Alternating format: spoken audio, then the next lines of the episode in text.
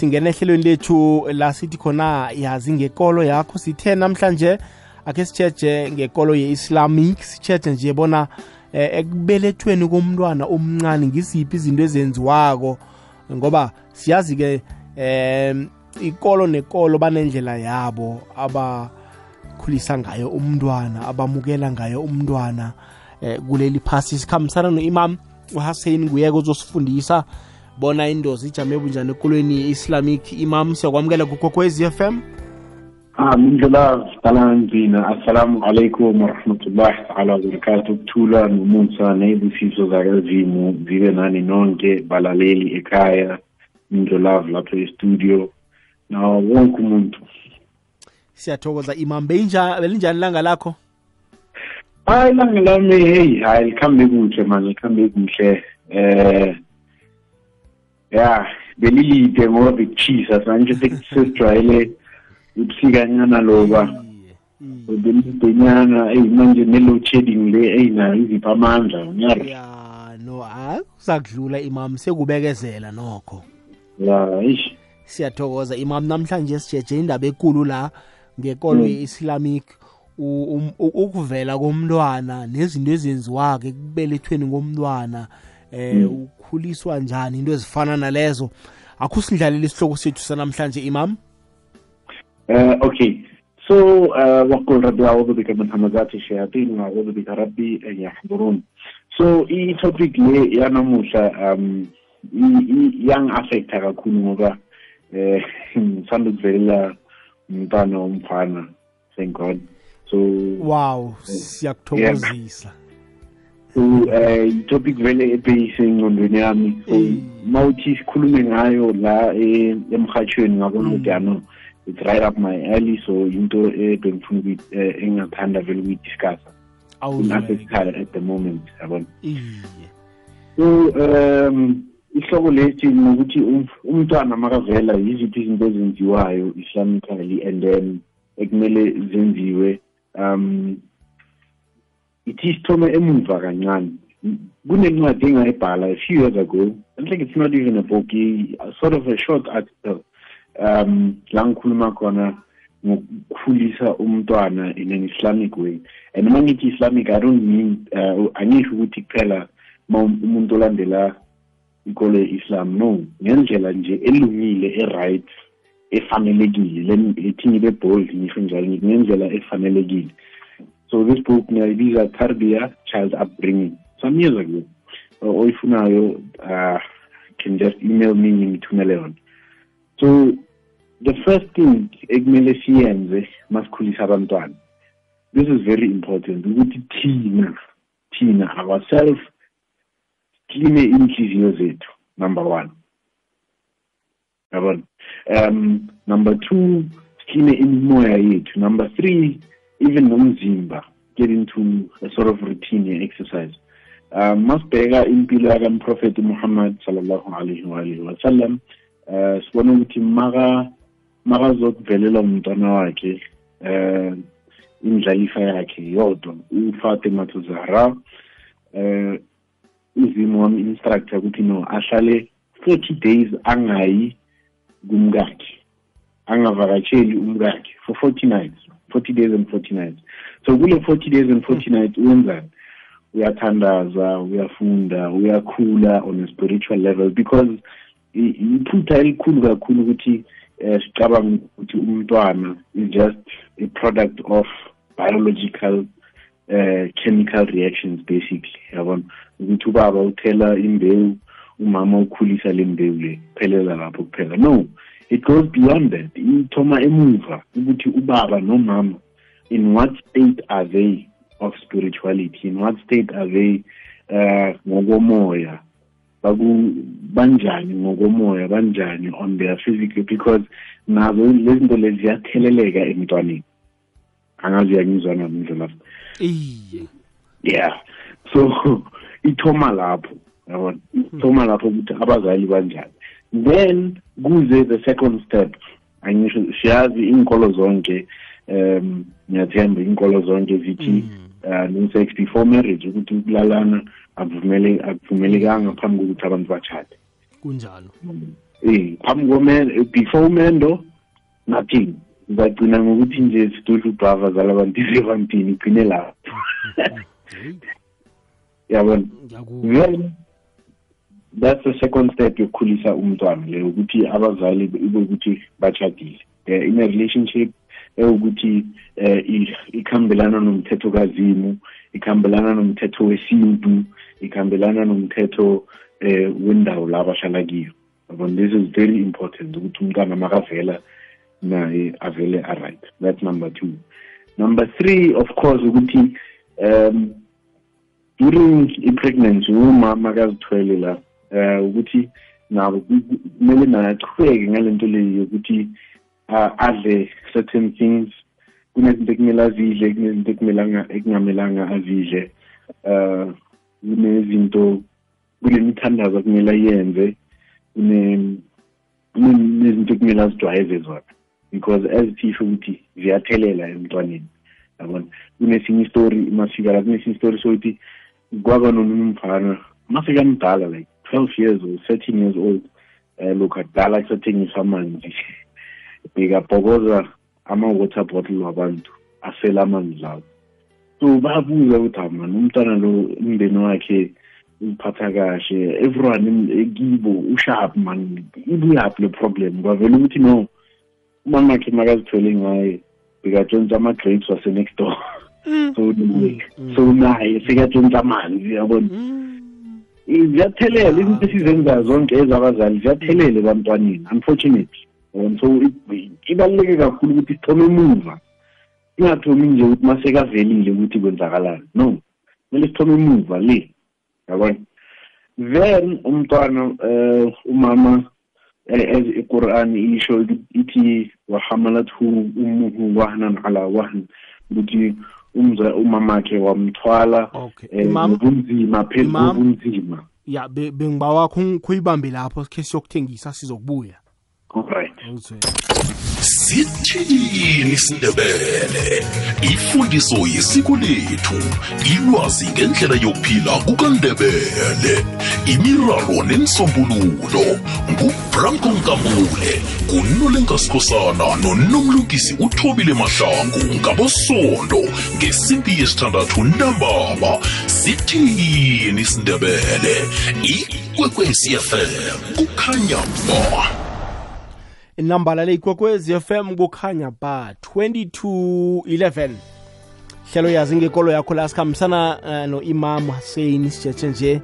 Umntwana sesisesibelethweni sikanina bekayokubelethwa kwenziwani nge-islam imam singaragela phambili ngendaba so uh, um, umntwana uh, bismillah rahman rahim umntwana masekasibelethweni sakamama ezingitshilo ukuthi kuyaqhubeka kuyathandazwa lapho ukuthi umntwana lo ajwayele um ajwayele eh imithandazo. Eh kune kune incident mina ngithi ngenze example nami mangivela mina ubaba mbekamangele ngimncane ngithanda i-jazz. So ngafunda something ngathi does this mean ukuthi wena noma azithwele bodla i-jazz kakhulu? So wangitshela ukuthi yeah wazinjani i'm like no ngifunde something la. So yabona so bathi you know umntwana masekasesibelethweni sakamama music odlaliwe endlini ukhula awazi um or ukhula awuthanda ukuwo ongathi umlethela i-tranquility. Angisho ithi um nathi abantu abadala anywhere we go sifuna into efamiliar into esijwayele yabona? In the kunenye movie yakudalanyana shoot em up so ku-shoot em up vele omunye umntwana umntwana loya ulayisa i-rock and roll. Imagine i-rock and roll ku-music orasa so. But it's because mm. umamakhe wambelethela neclub ye-rock and roll. Yeah, so these things they play a big role in shaping umntwana.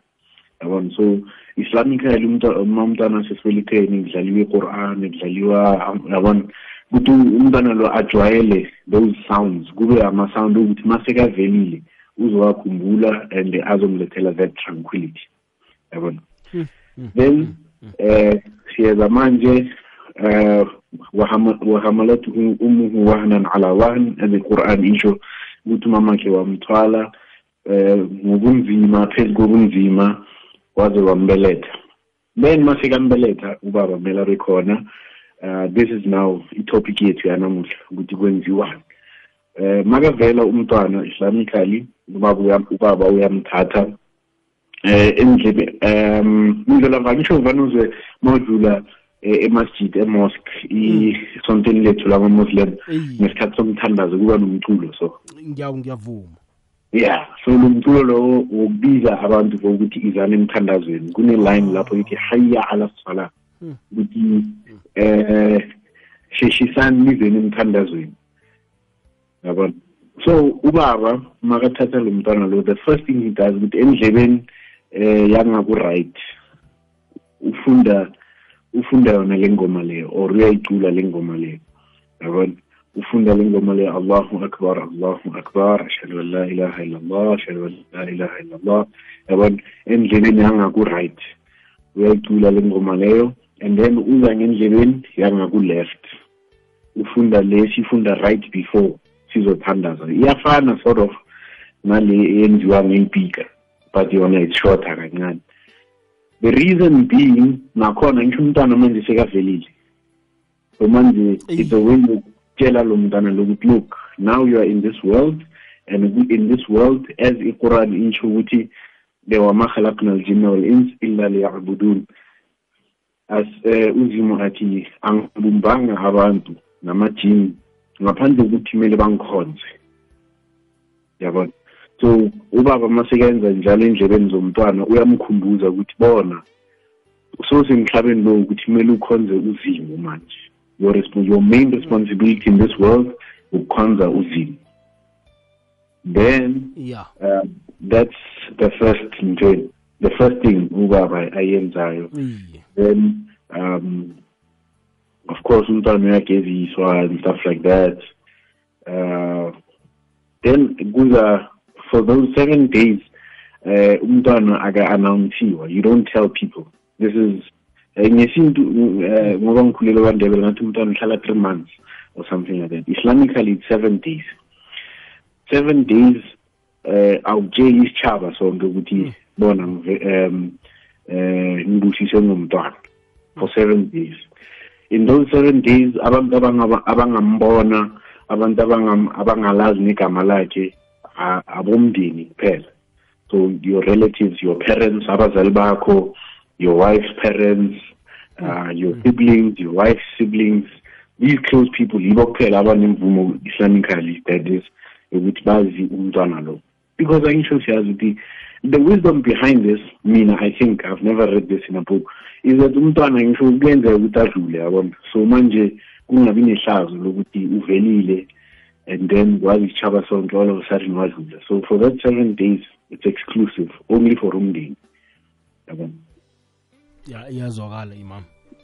Then on the seventh day uh, kwenziwa into ebizwa i-updater besakhuluma nayo now nasam brother ngathi uthe ngesizulu or ngesindebele kathi yinombeleko. That is on the seventh day just like in the bible by the way uh, uh, i-tradition lethu ume ubaba wethu u-abraham ukuthi kumele um kuhlatshwe kuhlatshwa imvu for umntwana lo.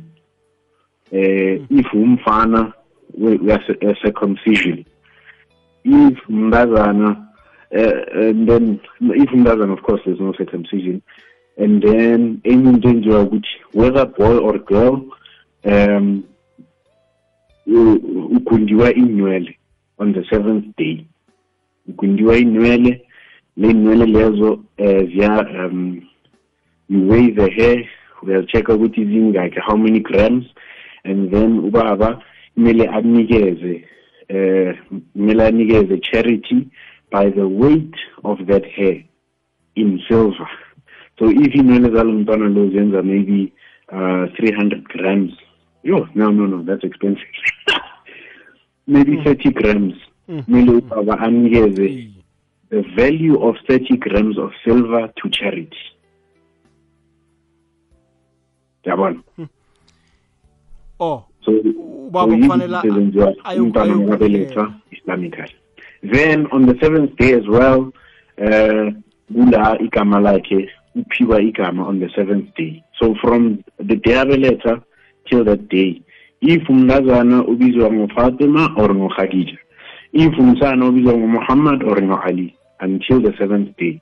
And then on the seventh day kula aphiwa khona igama lakhe ukuthi no um umntwana lo eh sizomthiya sithi for example Muroriseng Hussein Mchinyana kuyazwakala imam? Mm, -hmm. no kuya- kuyazwakala kuleyo ndawo. Hayi. Konke lokho kwenzeka elangeni lekhomba indaba yokugudwa indaba yokuthiywa kwegama into ezifana nalezo. Mm.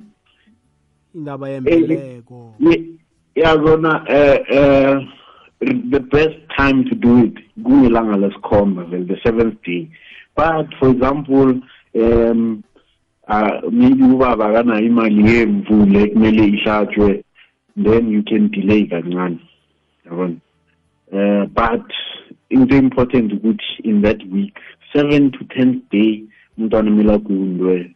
Before imele ziba ziningi ngisho umntwana kumele agundwe um uh, igama and every circumcision lezo lezo zi-important and then nemvu it can be delayed.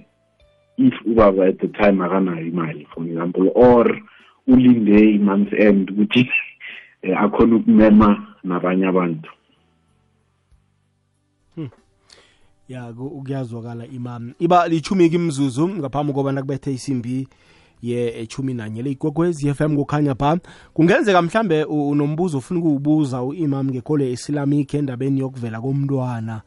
Eh umntwana sesisesibelethweni nalokhu asele aqeda ukuvela ukhwayiphatha bona eh uyafunda fundelwa nekorani kuyavunywa nengoma ezivunywako asesibelethweni sikanina ukwenza bona umntwana athi afike ephasini nje abe sekajwayele nasesekayizwa umdumo loyo amachata lawo. a- amahle abawa avumako.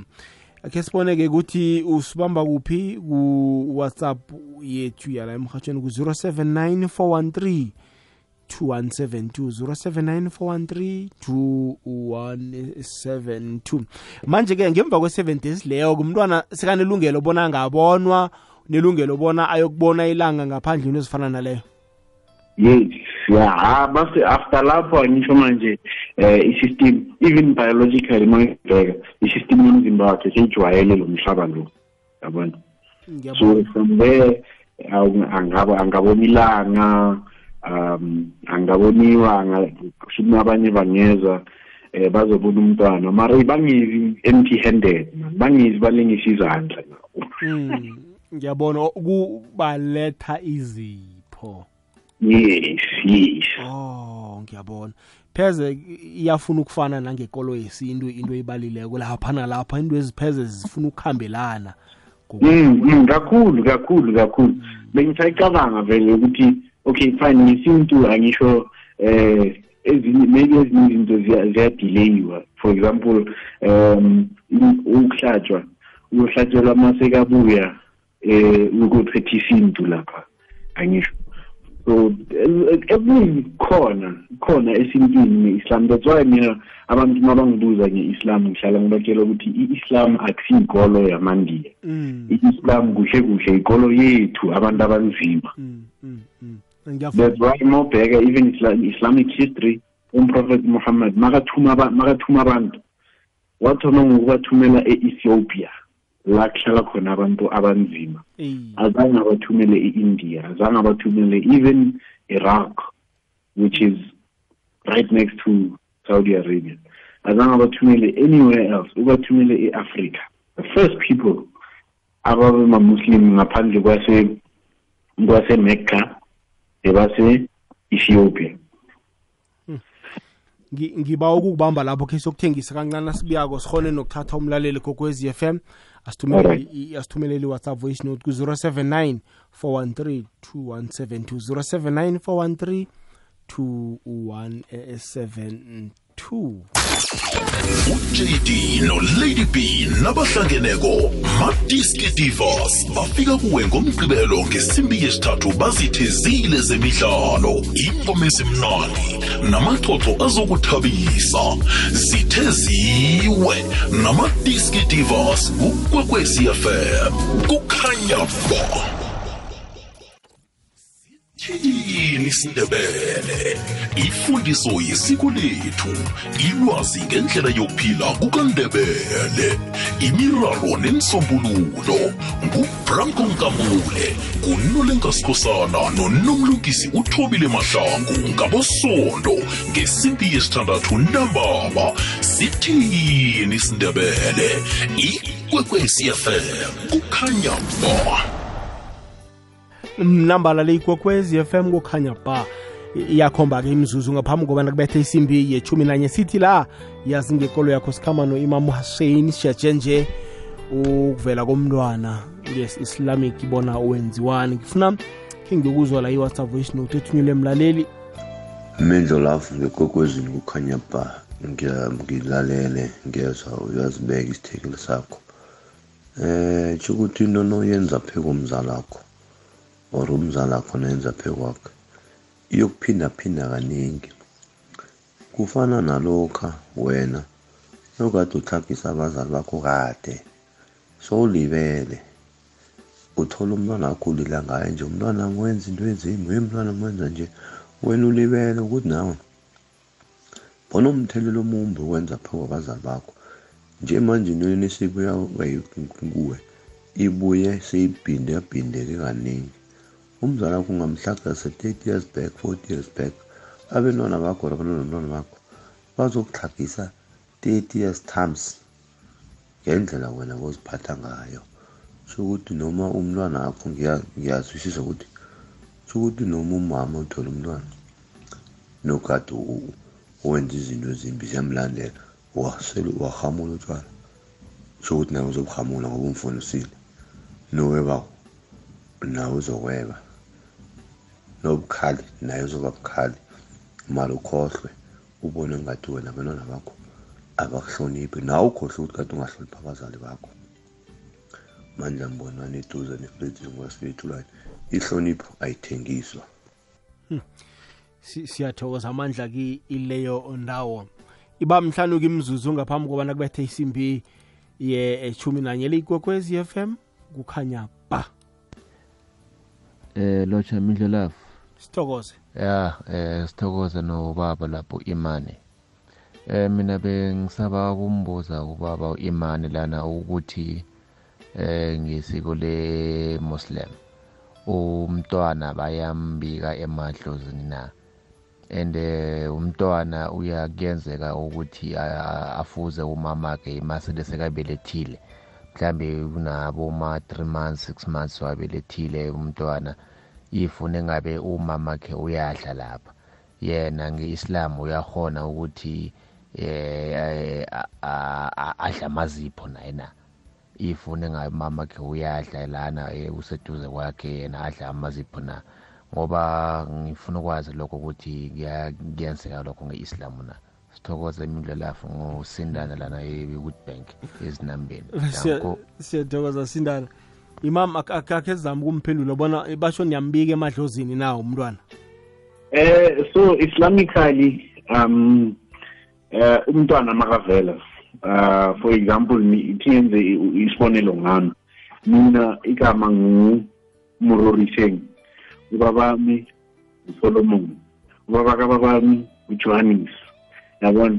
Kanjalo kanjalo. So uma umntwana avela islamically ubizwa ngalawo magama wakhe wonke ukuthi lo umntwana ka uzibambani umntwana ka Hussein umntwana ka Solomon umntwana ka Johannes umntwana ka Zibambani umntwana ka so in that way eh ngiyakholwa ukuthi it suffices ukuthi siyambika emadlozini not that ukuthi manje kuyoba nomsebenzi ospecial la kubikwa khona ema emadlozini because eh idlozi elikhulu uzimo so simbika kuzimo thina maka umntwana makavela.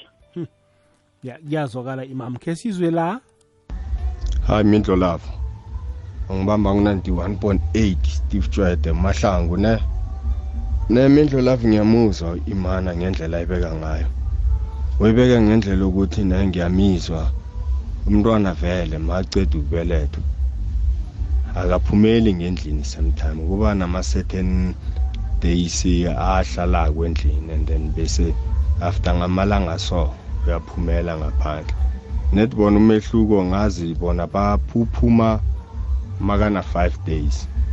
And nami ngiyazi ukuthi ngesindrebele isikhethu kuphuma amana ngakhe mara ngokuthi anginasho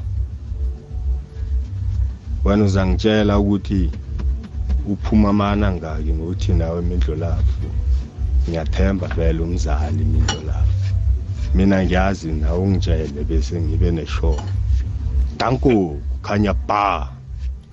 Okay baba siyathokoza nge-islam khulumile imam bona uphuma ngemva kwe-7 days. Bowuyagudwa abantu bayeza bazombona. Kube mnandi kube enjaya iba munye kumzuzu. Phambi kobana kubetha isimbi yechumi nanye u-086 000 3278 ngimaphi amanye amaphuzu imam nje ongawaphakamisa mhlambe ngaphambi kobana siyivale eh namaphuzu nyana la because um uh ngizwe ngabonesi. Mina ngisho ngumuntu othanda ukubuza so so uma ngifika lapha esibhedlela umntwana vela ngiyabuza ukuthi antlek man aningitsheleni? le i hope everyone uvule indlebe kumameni nitaningitsheleni mani bonesa seke into yokuthi masihamba ngenkoloyi bese sivala amafestere ngoba sihamba nomntwana i-right na? Ngoba vanubone musimindlo lava eteksini thola umntwana bamgcobisa ingubo engakangani bavala amafestere bathi umntwana umoya mina nguze ngabodoktar abogqirha bathi no into leyo it's not necessary. In fact it's bad for umntwana ukuthi um ma uhamba enkoloyini vala amafestere inini ngoba angisho manje sigcina siphefumula umoya oyi-one over and over. And manje lowo mntwana ama-lungs wakhe amaphaphu wakhe lawa asese-fresh so adinga i-fresh air. Ngiyabona so iphuzu lokuthoma ukuthi ngiyabawa esitshabeni senarha esewula afrika ukuthi manikuhamba nabantwana. Nje kusehlobo kuyashisa manikuhamba nabantwana. Please vulani amafestere kugeneni umoya that's number one. Number two eh nayo enye into eningabagcokisi ney'ngubo eziningi please kusehlobo kusafentisa abana. Number three ukuthi um abodoktor nayo into ebangitshelile ukuthi umfana lo um kumele kube nesikhathi la abekwa khona elangeni. Yabona? Okay not directly under sunlight but like maybe efestereni hardeni bese uyambeka lapho ukuthi abethe ilanga because um kuthiwa yini i-vitamin d isiza umzimba womntwana ukuba ukuba yenze. Inceda ibathini iliver yomntwana ukuthi ikhona ukukhipha um le emzimbeni. Inceda nge-six nine nakho konke yabona? So umntwana kumele abeke elangeni for some time ukuthi umzimba wakhe nesikhumba lesi siba strong siyajwayela sijwayela ilanga leli. And amadoktha bangitshelile into efana ukuthi belungu and bathi umntwana ubeke elangeni so it was just surprising. So yilo iphuzo amaphuzu ngane engingawabeka lawo. Elikhulu iphuzu ukuthi eh as abazali asibeni careful ukuthi sinjani thina because the way singakhona abantwana bethu bazoba njalo. As ubaba chilo ubaba wase kuba ngikhohlotwa ukuthi lo kuthoma we-voice note ukuthi umntwana yonke into oyenzayo uzobuya yenze futhi. Wena into oyenza kuye uzobuya yenza ungazi ukuthi kuyaphi bese zabe sowukhohliwe so hey ngithokoze kakhulu umindlo lapho imam sithokozile ukuba nawe namhlanje wasabela ilwazi nge-islamic. Siyathokoza akhule nomntwana. Hayi thokoza thokoza mina thokoza mina mindlulavu ithuba lokukhuluma kukwekwezi. M ngihlala ngilijabulela eh bengilikhumbule kakhulu angazi ngina 3 months ngizibuza ukuthi awu sengibenzeni naye hayi akusinjalo imam kuyadlegwana ya ya anoma ngiyathokoza ithuba ngiyathokoza nabalaleli ekhaya abasiboleke indlebe eh nawe mindlela for ithuba kokwezi FM the producers everyone. Uh ngithokoze kakhulu nginishiye ngamazwi. Wethu islam ngithi ukuthula nomusa nebusiso zakazimu zibe nani nonke. Assalamu alaikum warahmatullahi ta'ala wabarakatuh. Kokugcina-ke ngaphambi kobana siyivala umntwana lona nenzani? Imam niyamthiyelela naye mhlawumbe umthiye ngegama lakaba mkhulu wakhe nenzani? Oh eh uh, when it comes to ukuthiya umntwana um islamically eshangazi ngikhohle njani le? So islamically ukuthiya umntwana uh, amagama we-islam ahamba so bathi umthiya ngegama lakazimu or ngegama lakamprofeti nomndeni wakhe or mm, ngelinye igama elinemeaning enhle. Yabona islamically igama elinemeaning eline-meaning enhle li-islamic. So for example igama elithi mandla it's a very beautiful name. Mm. so it's an islamic name. Mm. it doesn't akudingi ukuthi le igama le-arabic like elam hussein. No. Mm. Murori saying is enough. It's a very good um, name with a very good meaning. So that's what it is. So for example, Masiti umthiya ngozimu umntwana wakhona. For example, Abdullah. It means isigqila sakazimu. Yabona? Abdurrahman, isigqila salo onomusa. So umthiye ngozimu ngoba lo uzimu. Yabona? Like that like that. And then Muhammad, Ali, Hassan, Hussein, now amagama lawo aza in that order. And then or umupha nje igama eline very good meaning. Abomandla, abonjabulo, abothemba. These are very good names and la magama lawo ane ane meaning enhle. So they are Islamic names. That's why uh, i-islam ikolo ikolo yesintu sethu. yabona isintu sethu ukuthi umntwana umthiyi ngegama elinemeaning no. And uh, just ukuthi ngoba ungibuzile nale trend yokuthi abantu bathiya amagama abantwana amagama just because I sound nice. No it's very wrong. Leyo yona I, I can't stress it enough. Uthola umuntu nje ngoba uzwe uh, ku uzwe en ku-TV or ku-some uh, movie or some series uzibanibani bambize ngegama elithize. Naye ngoba liyamchaza nje lisawunda kamnandi. Bese uthi umntwana that is very wrong because manje awuyazi nemeaning yale gama lelo so thola what if igama lelo lathukana yabona ukuthi the mistake uh, ngiyabona maye leyo leyo kuthiyelelwa mhlambe Oh yes, yes, yes. Eh umfo wami, my older brother. Uh, my older brother igama lakhe uYusuf Ali, yabona. So uYusuf ni ni English uJoseph. Toguno songwanam olwani kamala lakhe togu so ma bamthiya bamthiyele ngosongwane ethulo ya. Oh. uJoseph. Mara bayenza ngeArabic yaba uYusuf azange ba uJoseph. So Islamically yes it's permissible ungakwenza lokho. Ungathiya eh, umuntu ngabobankhulu. Another thing ngokuthiya ngamagama is that the the, the effect yegama elihle eline meaning enhle is that umntwana la ngisho uyuzwa every day. So for example uthiya umntwana ngu- ngubongani bongani bongani bongani. So umntwana lo ukhulane lento leyo ukuthi uyabonga vele. Ingena egazini lakhe ihlala in- isehlizweni yakhe ukuthi yena uwumuntu ohlala athokoza umuntu ohlala abonga yabona? But manje if ubiza umntwana for example ngu- ngu- ngu-death la samahallah so yabona ukuthi it's not a good name ungayipha umntwana. Yabona? So that's the reason why the the, the meaning of a name has to have a very good meaning. Hayi uzwakele imam. Sithokozile imam utholakala kuphi? Eh mina ngitholakala ku Facebook uh na yeah Facebook primarily lapho uzongithola khona. Muroriseng Hussein Mchinyane I'm back on Facebook so yeah. Lapho uzongithola khona ku Facebook most importantly. Uh, email yami it's my initials mh mchinyane at yahoo.com nalapho ngiyatholakala. So as ngisho ukuthi ufuna le ncwadi lezi engizibhalile the articles that i write can just email me ngamthumela zona. Onombuzo o- ofuna ukwenza any discussion uh facebook ngikhona. Siyathokoza untsinyane lo ubhalwa njani mhlambe? Uh n n for north c h i n for north y a n e. Ku- kuyazwakala sithokoze khuluma mambala imam Thokozeni ngikokoko kwenzako thank you. Siyathokoza imam. Awuzweke. U-imam hussein besikhuluma ngendaba nje yokubelethwa komntwana nokuthi u- wenziwani ukhuliswa njani nges-islam